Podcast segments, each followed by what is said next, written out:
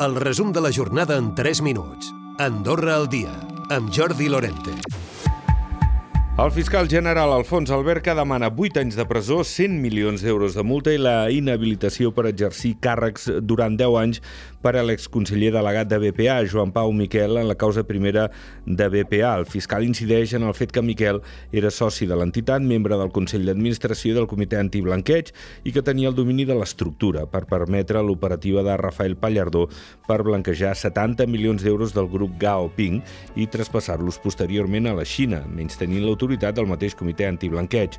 En l'exposició, el Ministeri Públic també ha sol·licitat 8 anys de presó, 70 milions d'euros de multa i 10 d'inhabilitació en entitats financeres per a l'exdirector financer de BPA, Santiago Rosselló, per considerar que era plenament coneixedor de l'operativa del banc i ser col·laborador necessari. Pel que fa a altres penes, l'acusació particular demanarà que els gestors se'ls condemni a presó condicional, amb la qual cosa no haurien d'entrar-hi i Sant Julià de Lòria s'ha ofert per tenir un centre de català. És una de les primeres respostes a l'impuls a la llengua des de les institucions. La ministra de Cultura ha explicat la llei del català davant la comissió corresponent al Consell General abans que entri a tràmit parlamentari. Una llei de la qual pengen diferents reglaments, com el que regularà l'acreditació del català i les formacions de 30 hores per a aquells que estan de cara al públic. Mònica Bonell és la ministra de Cultura. Hem de veure doncs, com, com, com acaba no? aquest treball parlamentari. Però eh, si tot va bé eh, i la llei es mantingués tal com està ara, serà molt ràpid. Reunions amb la Comissió Europea per parlar de la lliure circulació de treballadors i l'establiment d'empreses. La previsió és començar a tancar temes i accelerar per signar l'acord abans de final d'any. I Andorra Endavant porta la problemàtica del transport sanitari no medicalitzat al Consell General i demana que la seva proposta d'acord sigui debatuda i votada en un ple.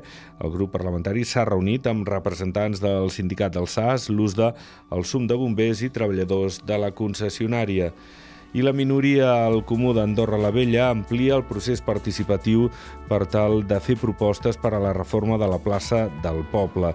Vol que sigui més amable, més espais verds, jocs per als infants, una nova casa pairal, més punts d'aigua i sense l'actual glorieta són tot plegat algunes de les propostes que han anat rebent.